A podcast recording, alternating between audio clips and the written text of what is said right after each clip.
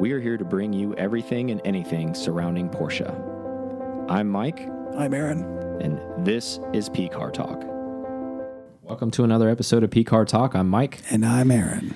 We are in the studio, and happy holidays. You'll be hearing this on Yeah. New Year's Eve, essentially, right? Hope you had a good Not Christmas. essentially, you will. Yeah. So, happy New Year. I hope you had a great Christmas. I hope Santa Claus brought you some Festivus, whatever you want to call it.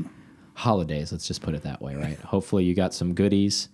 Um, if you didn't, I'm sorry, but um, you could have gotten some goodies from us, right? Albert Yeah. ended up winning uh, the 24 hour Daytona tickets from us. yeah, he did. So, congratulations to him. Um, That came out on our Tuesday live feed if you didn't see that.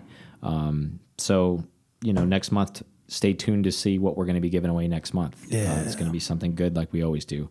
Before we get started, let's go ahead and give some shout outs to some new members. We have some new P Car Club members Mark P., Drew H., Ethan M., Bobby K, and Todd C. Thank you guys for helping support the show.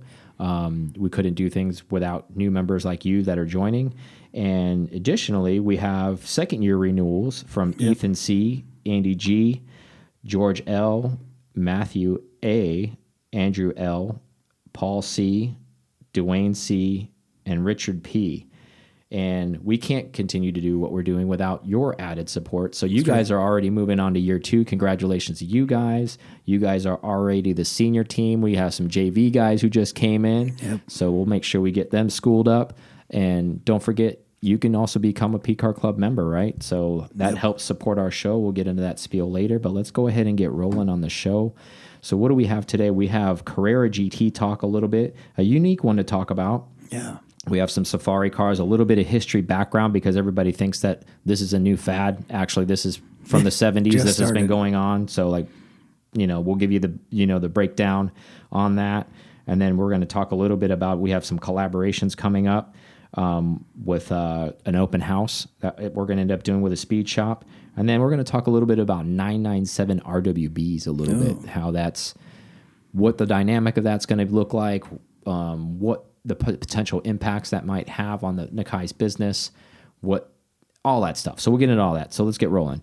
Carrera GT. Um, the reason why this is news is because this car is currently for sale. This isn't something that was just done recently. This guy has owned this car from new, what I understand from the article. Um, decided to make the Carrera GT a full blown race car. Um, Yeah. Which I don't know that I've seen the car anywhere else, like till now. I No, if but it's got 1,200 track miles on it, so it's lapping some track somewhere. But uh, it's all over social media currently, and rightfully so because it's up for sale. So you want to see as many people want to see it as possible, and you want as much traction on it as possible. And we're adding to that traction, I guess. Um, so it's for sale currently at a, a million dollars. Um, what makes this kind of unique? Uh, this gentleman bought this car brand new uh, in Belgium, so he kind of wanted a GT3, but esque, if you can imagine that, with a Carrera GT. So they didn't make a GT3 track model really for the the Carrera GT at all. It wasn't a homologated car in any type of race or anything like that. It was just basically for you know collectors and all that kind of stuff. And it was a street going car, and that's what it was. So this guy basically wanted to make it hardcore. He wanted to step it up. So he gutted the interior, like basically replaced everything with carbon fiber, put a roll cage in it, um, you know, upgraded the clutch, pumped this thing out to about 650 horsepower. It came stock with 600. Um, you know, changed the fuel management system, put a Motec in it, um, changed the front wishbone to like basically RSR type stuff so it could handle a little bit better. Um, put a really cool vintage style Mobil livery on it.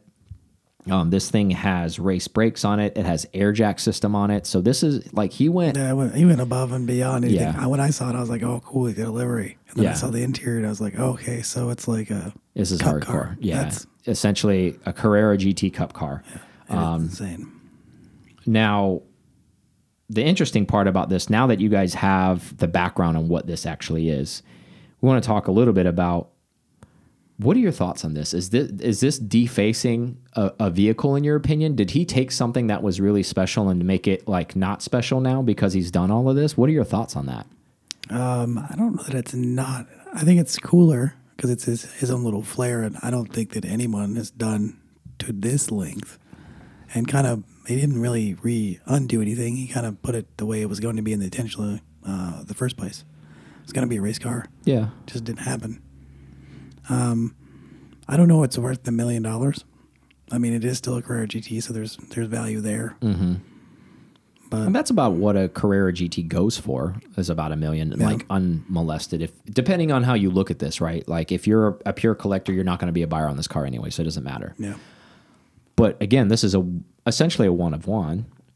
Um, I think it makes it get into a very unique category because of what it is. I think there's that one person who does probably have that fu money out there who's going to say, "Yeah, I've got a regular Carrera GT already, and I do have some fu money.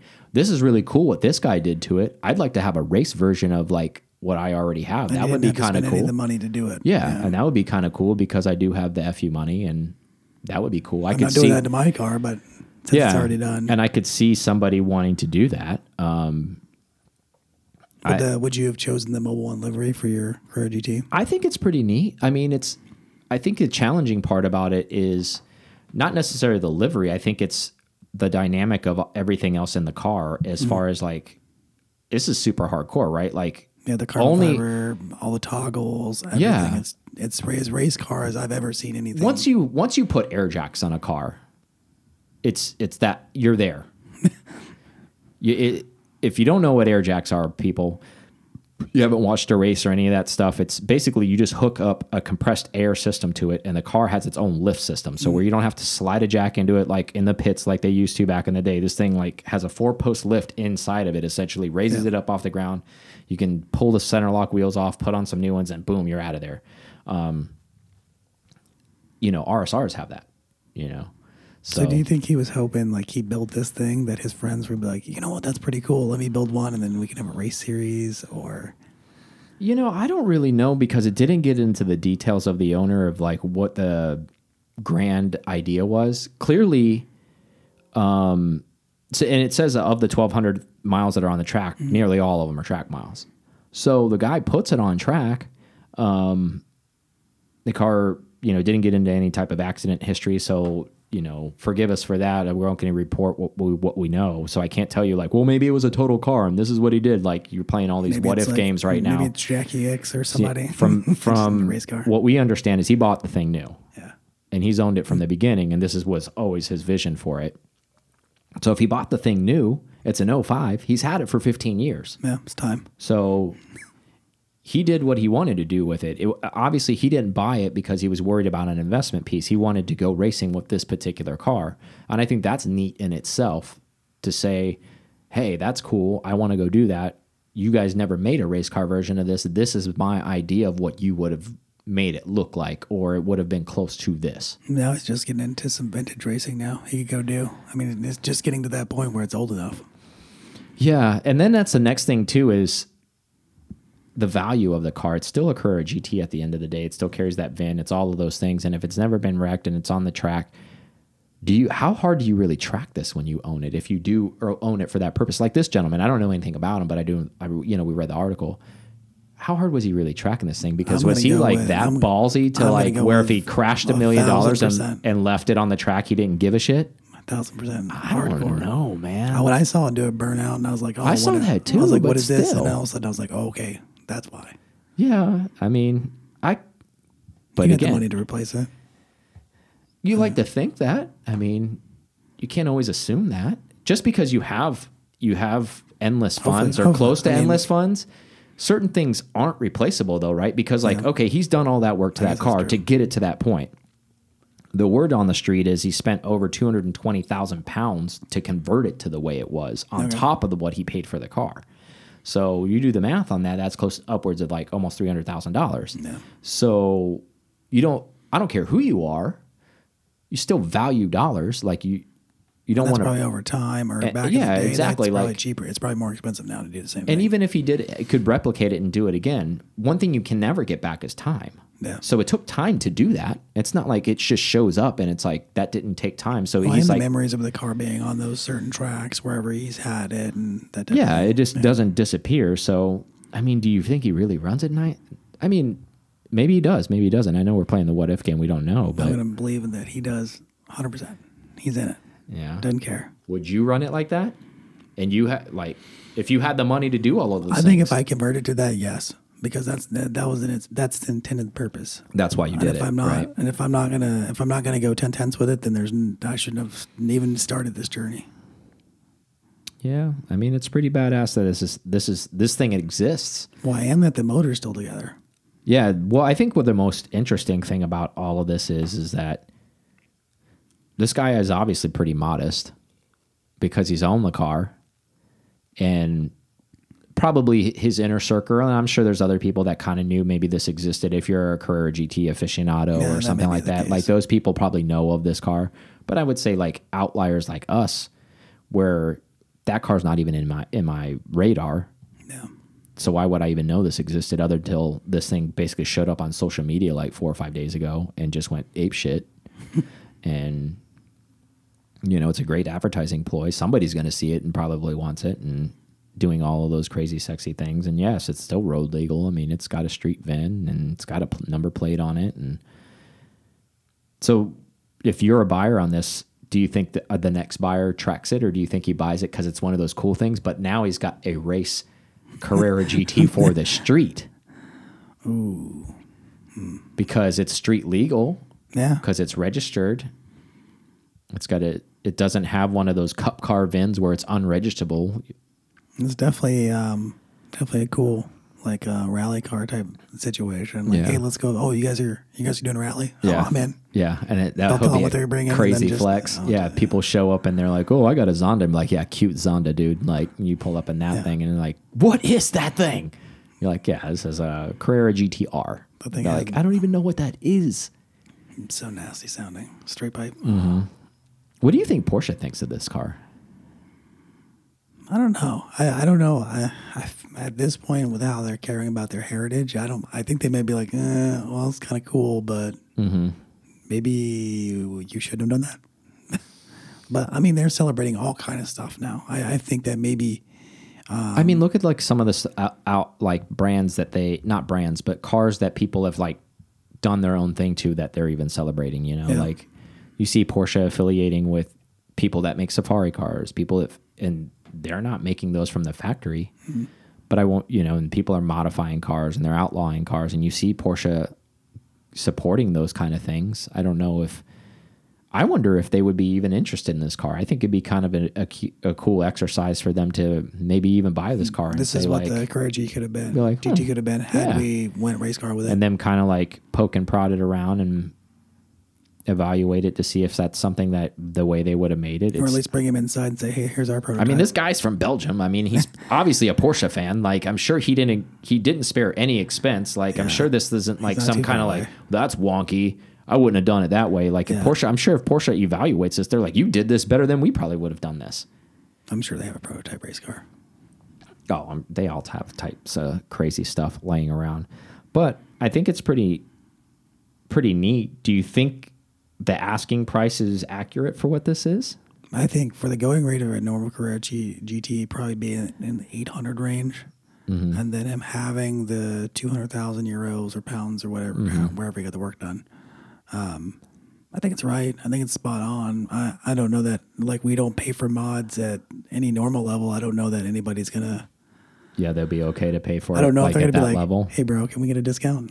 Yeah. Can we knock off a 100?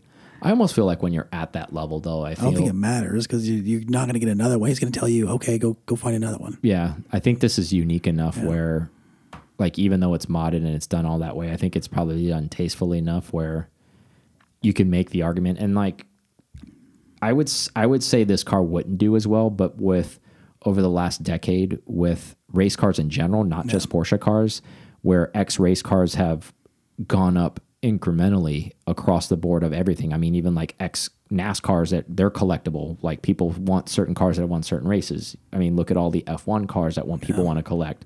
You have X Porsche car race cars that raced in the 70s people want like they bring in multi multi million dollars even though this doesn't have race pedigree like some of those other cars it still is a fad where people want a race car in their garage um, so if this becomes just even somebody's showpiece, I still think that it, it, it commands a strong amount of money. I think time will obviously tell because, or maybe it won't, because unfortunately, sometimes these things, if they do sell and they go for an undisclosed I amount, think I think it then it protects. like it did and then, then we're disappears again? See it again. Yeah.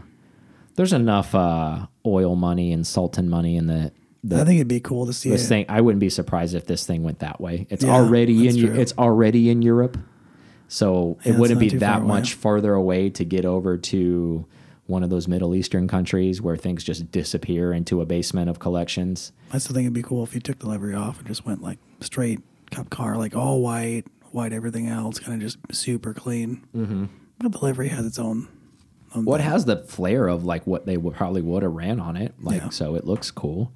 Um, if you haven't seen it, go check it out. Definitely wanted to throw some acknowledgement on that because it's kind of an exciting car, especially if you're a Carrera GT fan. And Maybe even Dan Davis will grab a Carrera GT, throw in the collection. Yeah, put some Brumos livery on it. Oh man, Um, so let's move on. Safari cars. Okay, so I know everybody kind of has you know their opinion on these things. Um, they're pretty popular at the moment. There's several different builders out there. Um, they don't need to be named. Obviously, you guys can do the research and figure them out. Um, this isn't a recent thing though, even though it is a recent fad. Um, So going back as early as 1978, there was a group of uh, racers that wanted to go race in the East African Safari. If you're not familiar with that race, that's back in 78 that Dakar was kind of like dead at that point. So this kind of filled that gap. And a lot of sources say this rally actually is tougher than that one um, as far as the terrain. that's what I'd say too if I was doing a new rally. Yeah. I don't think it was a new rally. I think it, I think it exists. I think it was just more popular at the time. Um, so it's almost like ebb and flow, like where maybe there wasn't a lot of sponsorship behind Dakar at the time, and it got a lot of surgence like l- later in the '80s. But anyways, that's a whole nother informational tutorial Yep, that we can go 959. over some other time. Um, but in '78, they went to Porsche and said, "Hey, we want to race one of your 911s or two of your 911s to go do this. Can you help us do that?" And Porsche says, "Hey, we don't do that. We're not really interested in that." So this is pre 959 where they did the Dakar. So this is way before this. So this is 78 uh, Porsche SC. This team ends up buying two of them from Porsche. Um, Porsche says, "We'll sell you the cars, but we're not really going to do anything around it. We're not going to really support this race because we don't do that stuff." Um, so what this team ends up doing is getting Martini to sponsor them as a, a, a whole. Um, so they're running two cars. They end up basically changing suspension on the car, making this thing ready for road rallying. Um, you know, putting the equipment that they need on it: extra spare tire, gas can, roof rack, stuff like that, lighting. Um, they changed the suspension, but not like you would think. You're like, oh, they probably put some like crazy whatever cool was at that time, not like Fox, but Bilstein or something like that, and they ran some like huge travel. Nope, they took the torsion bars and they just basically flipped them and made the car sit higher. Put whatever off-road tire was cool in '78 that would handle this terrain properly, and they went. This car was pretty much Brown stock minus some of the safety equipment on it. That probably actually gave it about like longevity. Yeah, and um, and I'm not screwing around about saying that. Like they took the torsion bar suspension, basically flipped the spindles. If you know what that is, you basically flip spindles. If you want to like basically lower or higher something, like you just do them in reverse. Um, that's essentially what they ended up doing. You know, a little bit welding and a little bit more different stuff behind it, but that's the the Cliff Notes version of it without getting into the suspension geeking of it. Um, nevertheless, they end up taking these two cars through this treacherous, treacherous journey 94 hours, 3,000 miles um, they did in these cars. They finished second and fourth. A non non backed Porsche team so that many did this. That's so oh, miles. in such a short amount of time. And then, so the fourth place car, so they were running one, two. Yeah. The fourth place car ended up taking fourth because it went through a huge mud puddle, ripped the rear uh, axle like harness off of the car, so they had to do a side side repair on the car, and the car still finished fourth. They limped it across at fourth. No big deal. So in '78, they were the only two cars tandem team at you know a two car entry. They were the only team that finished both cars. Now there were teams that finished, but they may only finish one car. So this Porsche non-sanctioned team, but Martini sponsored team, and I'm sure you guys have seen it. If you haven't, the, the pictures of them all over the internet. They got Martini splattered all over it. They got huge headlights. That's a those are 78 SCs, guys. Um, so what's happening now isn't revolutionary with these safaris and i'm not saying it in a negative way i'm not saying you it's a cool thing it's almost paying homage to all of this stuff but where i'm going with this is it shows the incredible durability of the 911 they took a bone stock 911 nearly bone stock suspension threw some safety parts threw some lighting on it did what they needed to do. They ran 3,000 miles across a hyena infested desert, essentially, with boulders and mud. And this isn't like roads. There were no roads. Everything was off road. It wasn't like, okay, there's a little bit of tarmac and then there's none. Think they think they uh, followed any break-in motor rules or just like- Probably not. I mean, probably didn't have time for it. It's probably just went after it. And you know, it's one of those things. They point and shot it down the road, and let's just see. Let's see what happens here. Um, I want to say that again, though. They these are brand new cars. Essentially, they took across. It went three thousand miles over the roughest, nastiest cobblestone. Like wherever you think is bad, it's way worse doing this. oh yeah, 10 times worse. Um, and you think about like now all the Baja stuff and all the suspension travel and all the unique stuff it has going on. This is 1978 technology going on these same surfaces. And these these cars finished second and fourth with just a little bit adjustment to the torsion bar suspension on it. That just shows you tire technology from the '70s as well. yeah, on top of that. Exactly. Great point. Where people are like, well, I don't know if I should buy like an old air cooled. I don't know how reliable it's going to be. Oh, this should answer your question. Well, at least right three here. thousand miles over the most treacherous. Well, that's the thing is most of those things. Think about how babied a lot of those 70s and 80s 911s that you're potentially buying Mm. on the street. This thing got hammered in a dust bowl when it was filled full of nasty sand and mud and all that kind of stuff, Yeah, and it finished spiders, this. Yeah, exactly. things. Who knows? Like you know what happened it to it out there.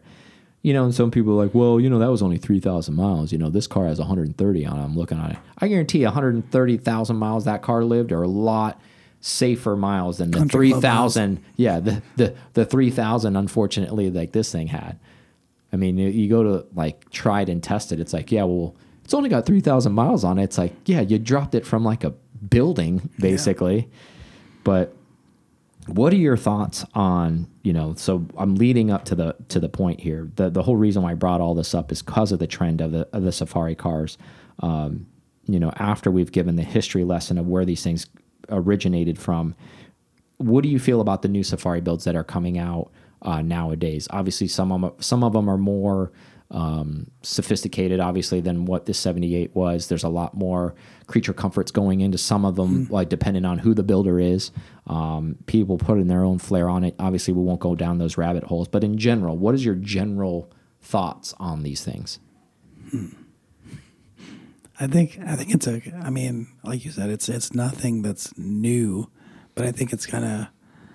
I don't know if it's like the la- the last frontier where people haven't really seen a lot of these, and then now it's now that's why it's popular, mm-hmm. or if they've just realized that there's another avenue of fun besides the racetrack that these cars can go on, Yeah. and, and do things, or and the versatility, like we kind of talked about with the thing that's going on with you. If yours, if you wanted to do a safari and keep your safari for the next million years, you would. Mm-hmm. But if you want to turn it back into a race car, yeah it goes back to a race car fairly easily. And yeah So I, I think that people are just taking the chance on it's something new and fun, and it, it's, more different, right? adventurous. Yeah, it's different. It's something that you can. You feel like you would with any other type of off-roading thing. Is you're gonna adventure. You don't know what you're gonna see. You don't. Mm-hmm. You can go anywhere. I guess the capability thing is kind of what I believe sparks a lot of that stuff for the Yeah. safari car. I agree with that. I I think you made a very, very good point as far as it doesn't take too much to make this thing back into a like a street car, essentially, if you want to. Um, it basically like maybe two days of work on it can put this thing back without like beating it to death to try to make it something that it's not.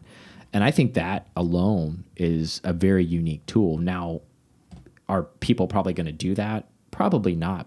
But the fact that you could do that if you wanted to do that, I think is is very cool.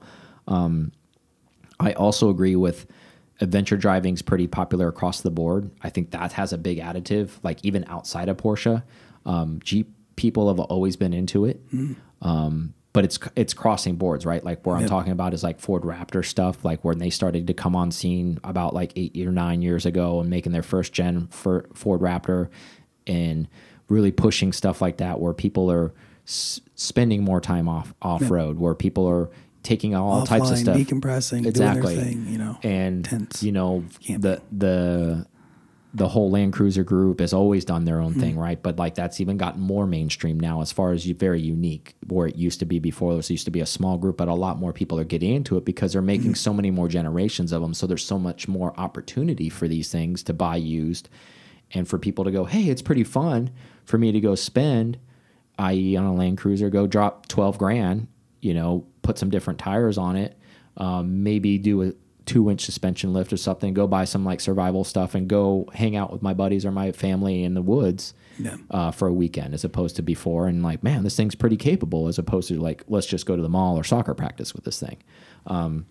Then you add in sports car, And I think it kind yeah, and I it. think it kind of went into started to creep into that area, right, where sports cars are starting to be off road. Where in the U.S. it's never really been that big of a thing, but in Europe it's always been a huge thing. Rallying's always been really really big in Europe, always, um, and they have that DNA ingrained. So I'm probably they're probably not surprised at all to see these because they a lot of these races, all these Group B races, all of this stuff was all in Europe. They did all of this stuff over there. So People standing on the roads and yeah, hanging out there Americans don't getting hit. really have all of this rallying and all of those. They don't have the history, The yeah. Targa Florio stuff, all the stuff they've done over overseas and uh, in Europe, they've been doing it for decades. Hmm. So I think, like anything, over time, we start to travel across the pond enough, and we some of our guys start to bring it over here, and you know they're start they're pillars in the off-roading community or their own thing and they make it cool and other people see like wow this is capable. I didn't know it could do this. It's almost kind of an education on top of like seeing a thing that's already existed but you Yeah. didn't really know and you're like wow that's really badass. I can go out there and like you said i can have multiple 911s i it goes back to this being a Swiss Army knife, the 911, having, okay, well, I can have a track one, I can have my everyday cruiser one, my daily one, and then I can have my rally one. Yeah.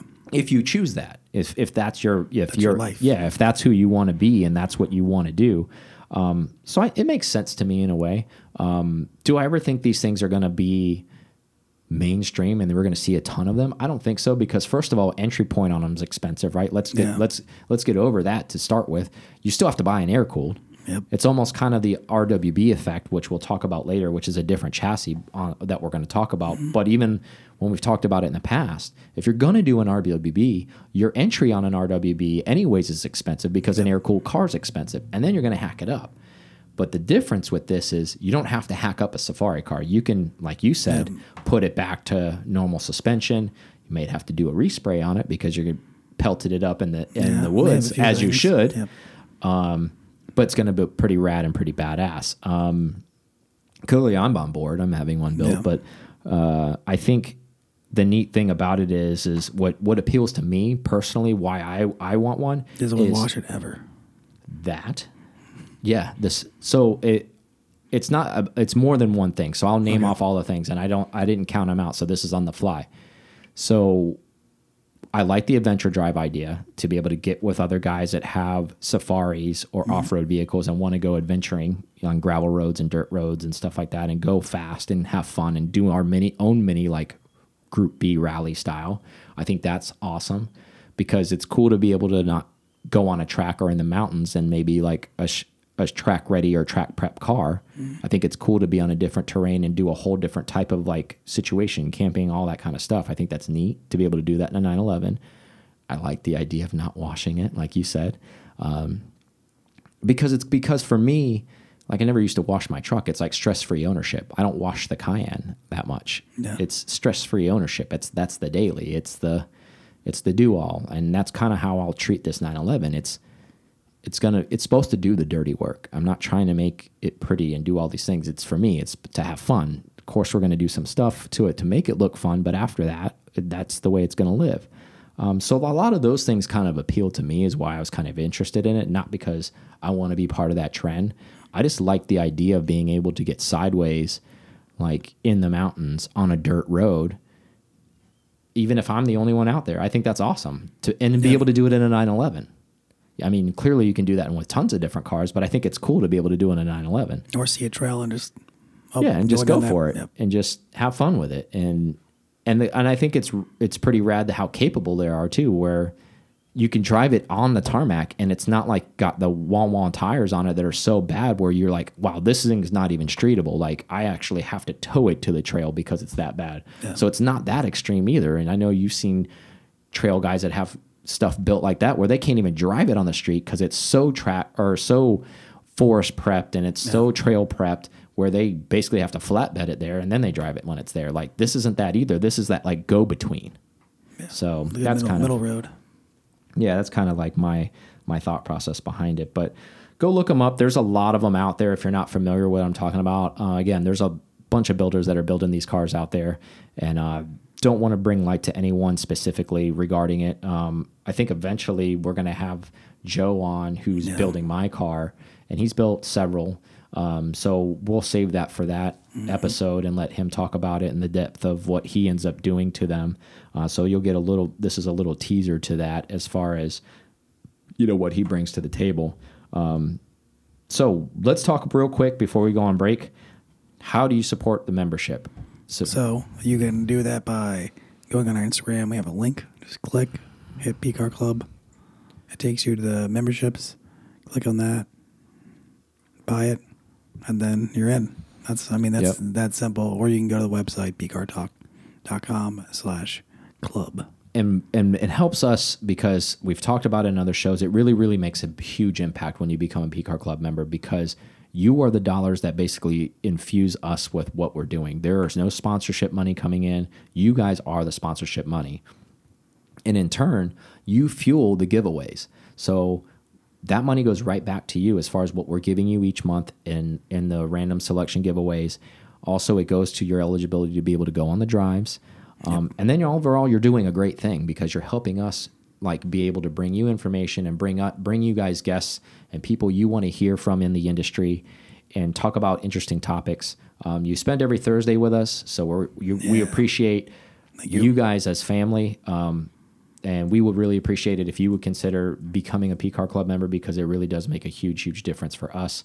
Um, and thank you guys so much to everyone who has joined and who's continuing to support us.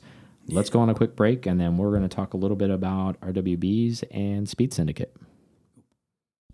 Thank you guys listening to PCAR Talk so much. Uh, we appreciate you guys so, so, so much. I can't say that enough. Check us out on YouTube.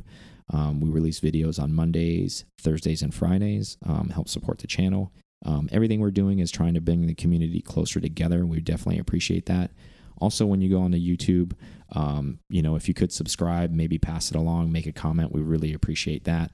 Um, again, circling back to pcartalk.com, um, there is a newsletter created on there. Uh, please put your information in there. That way, we can keep you up to date on anything that's coming forward and anything that we're going to be doing uh, moving forward and all the exciting things that are coming out. Now, back to the show.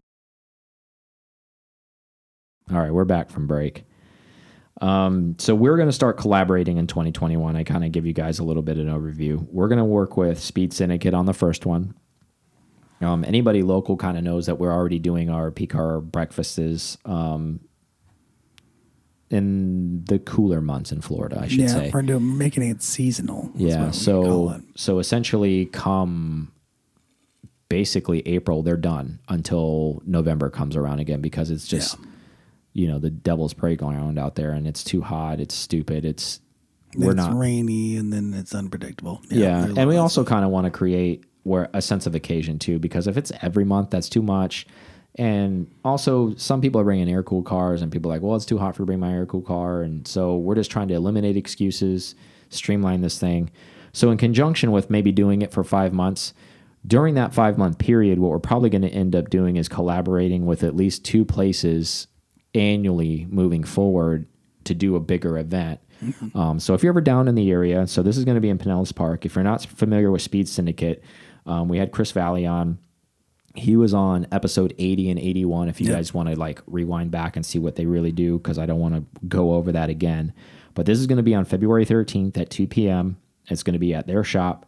So it's not going to be just Porsche stuff though. So like if you're listening and you're local um, and you want to come out, bring whatever you have to come hang out. Um, there's going to be parking in the street. Obviously, there's going to be a lot of cars staged inside on purpose um, in the shop because it's going to be an open house. So there's going to be some race cars there. There's going to be some street cars there. So it's going to be a good like showing basically of a mixture of cars, which is kind of cool. And we kind of want to get involved in that. You know, obviously we're going to bring all the Pro Porsche crowd, but Speed Syndicate does everything. They do race prep cars, they do street cars, so they're going to have a mixture of stuff mixed in. racing, they do it. Yeah, they're going to have mixed in stuff with us as well. Um, but the most interesting part is I can't promise this, but there's been talk on the first phone call when I talked with Chris. Um, they're probably going to have a keg, so it's probably going to be the awesome. Like we're going to do this. beer. We're going to do this high school party style, like you know, bring your red cup and let's get down. Um, but it's just going to be fun. Uh, the the what the f- weather in February in Florida is really really nice. Yeah. Um, so it should be a good event. And then following up the month after that, we're going to probably be doing another event, but I'm not going to announce that until that's confirmed. Um, once I have the meeting after the first of the year with those people, um, that's going to be a street event. It's kind of be, be like a street festival type of deal, which is going to be pretty cool. And that's going to be in downtown St. Pete. Which is really cool. Yeah, so it's going to be pretty badass. Um, so yeah, if you're in the area and you're visiting, come on down. Uh, again, that's February 13th on this at 2 p.m. to whenever. Again, there's going to be refreshments. Come see some badass cars. Come talk to Chris. They build badass cars. Come talk to us. We'll be there. Uh, shoot the shit with us. Um, so it'll be cool. Like again, it's not just a Porsche thing. So I'm sure you're going to pretty much see a lot of everything. Um, so there's a lot of good There's cars good out there. stuff out here. Yeah, so it'll be fun. Uh, so just wanted to give that quick update um, to everybody who's listening. Um, kind of branching out, doing a little bit of different stuff with that as far as like Yeah. the in-person stuff. I think, yeah, so I think it'll be really good for them and us. So let's move on. RWB. Obviously, we talked about a little bit on this show, but not Yeah. kind of indirectly. recently. Yeah, kind of indirectly. Um, so if you're not familiar with them, they're really big in the scene of like making uh, air cooled cars more of kind of a race look, and they do race cars in idlers in Japan. Uh, that's where this basically derivative is. If I have a whole episode where we talk about that, like I don't want to talk about their history right now, but But it's there. Just search RWB. yeah. Um, it's pretty easy to find. But I think the the interesting thing is they've been air cooled only up until recently. So they've ventured into 997s. Um, so they're doing water cooled cars. And now the only cars that they're doing are 997 base Carreras. That's the only car they're doing. Um, they're not doing turbos. They're not doing S's. They're not doing any of that stuff. They're only doing the narrow body one. And then they're making them wide bodies. Um, so a couple things that I want to talk about this is not necessarily the process behind it, but I want to talk to you about your feelings behind. Do you think this is going to dilute any of the air cool cars that he's already developed, and do you think that's going to create a riff within RWB as They'll far be, as they'll be separate. I can tell you that right now. Oh, now. yeah. That's, I mean, it's that's. I mean, just like the delineation between air cooled and water cooled? is So still there. this is bas- It's still basically how this this line's going to like develop. so you'll have the OGs, the guys that'll Um, Yeah. be the air cooled ones, and then you'll have the new school guys. Well, even within that, like, I mean, we know, be like, oh, this is number two, or this is three, or you know, that type of. Well, I feel I still feel like if you're an RWB air cooled guy, Mm. I still think that they still accept you if you commission a build. I don't think it's more of like, oh, because you have build number 65, you're not as cool as the guy who has number 2. Yeah. I think it's yes, they're numbered, but I think that those guys are a tight niche. I guess where I'm asking and I probably didn't like word it properly. Um, they're very family oriented as far as like they're super close. There's like they have a It's tech, still- they have a text string going on Yeah. between them at all times, um, like group text. Um, they add in a new member when they get in. Um, do you think this becomes a part of that text string, or is they're going to have their own text string because they're all water cooled hard to say. 997 I mean, guys? because it's it's still it's still Nakai building them, so it's not like it's Mm-hmm. somebody different and but labeled RWB. I have a feeling still a lot of the air cooled guys that own them are going to also buy a water cooled one. I have that feeling. Now, as we know, and it sucks, but I'm going to go ahead and point out the elephant in the room. There's a drastic price difference Oh, yeah. in between a 997 base Carrera water cooled car and entry point on an air cooled car Yeah, to do these two things. yeah. And the delta is pretty big. So I'm not saying one should be better because one costs more, but you know what I'm going where I'm going with this. There's going to be different entry level of people, types of people Mm-hmm. who have these cars. You're going to have let's just call them what they are. You're going to have your fuckboys out there that are going to buy these 997s. And I'm not saying that there's no air cooled RWB fuckboys. I'm not saying that that doesn't exist either. But I'm saying there's going to probably be a lot more of them in the 997 range because I can go pick up a base Carrera Yeah, you'd be all 997 for what 30 G's Yeah. maybe, And like then- ready to go, and not even have to do paint on the car. Say if I buy a black, white, whatever, and I just want the wide body, so then I can do what dump another 25 grand and I can have an RWB for basically basically fifty five thousand dollars, as opposed to somebody who builds Yeah, an air cooled yeah, one at a even hundred and at 55. Yeah. at 130 to 150 grand, I mean, you're talking a huge delta in price here. So do you I think personally that's going to create some animosity within the group. Yeah, that it's easier to. Well, I mean, I, I can. I can Like some guys like, "Oh, you got it in on the easy way." Like Well- you you bought one of these run of the mill base 997s. But the, the they've been building it long enough where the where the air cool market wasn't that expensive the entire time. But it's I can see where if I was an RWB owner, air cooled wise, that I would want to have both. I could see that. Yeah, if you were just a Nakai fan, right? Yeah.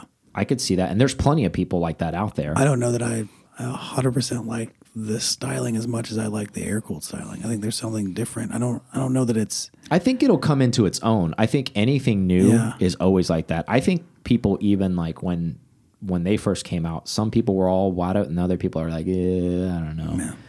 But um I don't know if it's as drastic enough of a difference. I mean, I know that it's wide and I can see Yeah. that stuff, but I don't know that it, it it's cartoony enough essentially. Like Yeah, and I don't mean that in a negative way. I mean it more of kind of like where it's so standoutish, like the air cooled ones with like the wings and It the just- fighter stuff. Like it looks me, it looks it looks very RSR esque, like a 996 RSR. Mm-hmm. That wide, those arches, the flares, and it looks similar to that to me. more blendy, maybe. I, I'm Hmm. going to play devil's advocate for a minute. I'm not saying I feel either way about this. I'm just trying to point out some facts that might have a certain. I also like the idea of basically if you can afford the super expensive air cooled one and you're really a fan of Nakai, I think this also gives you an opportunity to get into a a type of build that you're really interested in from somebody that you you enjoy and you follow and you want somebody to build your car at a much cheaper rate. So there is also that. I can see So- him expanding the market. Like, well, he could see that maybe maybe it was slowing down. I doubt that it was really slowing down for air cooled builds, but Yeah. But then I don't he think it has is. I don't think it's slowing down. I think he's just he's just taking an opportunity new- to new expand avenue. expand his business. there's a lot more of 997s than there were. Yeah, and from what I've understood, like I, what I've been reading, I don't know if he's going to be at every one of the 997 builds. I don't, I don't know if that's going to happen. I wonder if this is just going to be a different arm of what he ends up doing. And I think he still does the air cooled ones, obviously himself. And I wonder if this is maybe he goes to certain ones. Maybe if you're already a prior air cooled customer, he goes. to it. I don't know all the details behind it. Like I can't, I I can't. think it might be a franchise move. I can't speculate. Yeah, maybe. I think I the cool, speculate.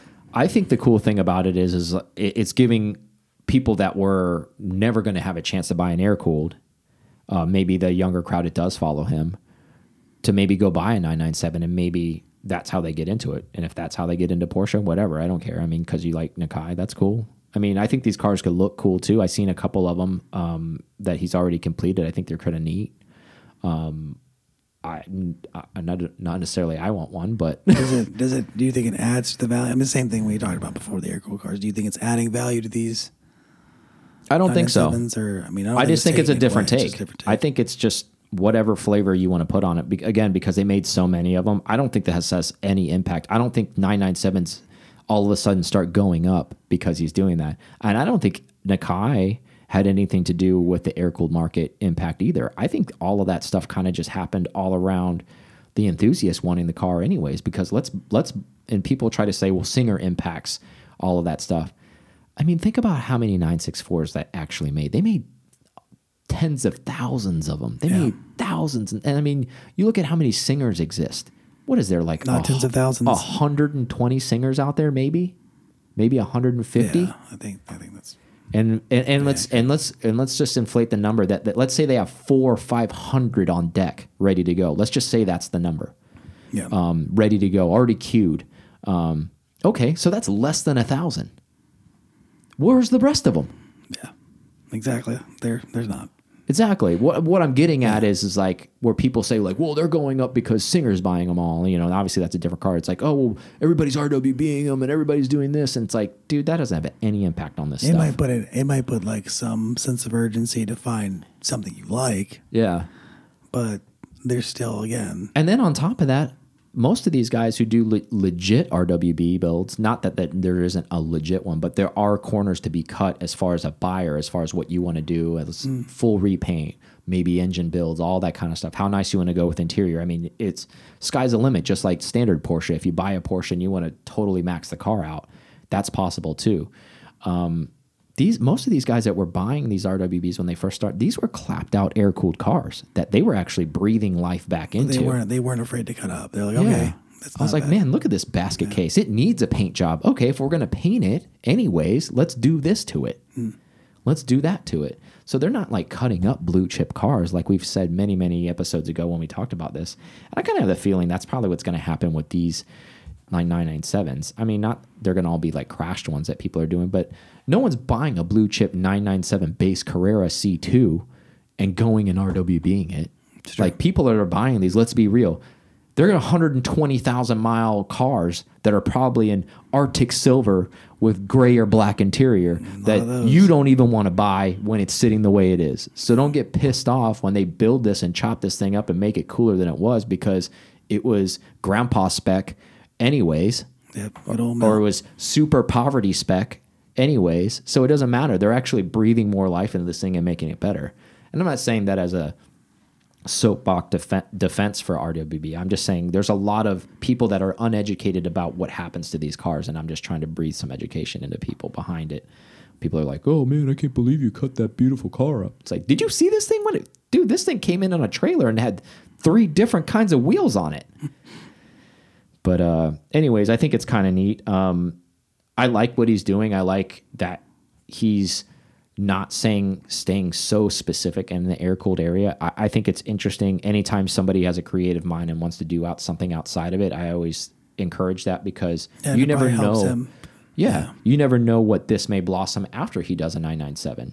Who knows? Nine nine twos. Here they come. Yeah, who knows what he may do? Like it, it, it just turns into one of those things. You just never know. Maybe he just builds a full full body kit instead of just fenders. Maybe he does a whole car. Who knows? Yeah.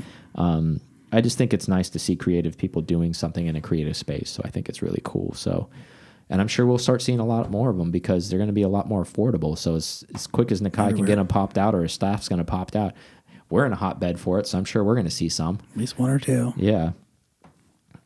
Uh, before we close out, um, one more question about that RWB situation. Now, if you had one, like where we talked about some of the air cooled ones where people don't really dive into the motor and they kind of Yep. leave it and it's kind of a letdown where they don't make it as powerful or whatever. Now, because the entry point is a little bit less, do you think people tinker with the 997 motor a little bit? Maybe do they throw a supercharger on Yeah, it to make it a little bit more definitely. to make it a little bit more Yeah. umph where it's kind of like okay it's not all just show like this thing's got some you might balls in almost it want to because if you didn't, you're adding so much. You're adding weight yeah to something that already has 300 and some horsepower to the crank or whatever. yeah I mean, exactly you're putting 14 inch wide wheels on it so why not give it some horsepower right um i think if i was to do one ever if i was going to do a 997 i 100% put a supercharger on it I think the supercharger is the way to go. yeah that way it still kind of feels na power where you don't have a turbo boost on it Yeah. you just kind of use that motor that you It's got in almost a 500 horsepower increase, I think, something like that with Yeah. a VF engineering. that would be a beast now, now that car would be pretty stout That's at that close point to GT3 territory. Yeah. And then you would have the RWB look behind it. So anybody who's listening thinking you're going to do it, you got to put a supercharger on it because you're Yeah. saving money, not buying an air cooled, going water cooled. So so nut up and buy the supercharger Yeah, for it. even if you did that, that's 10. So you're Nakai should almost make that a requirement.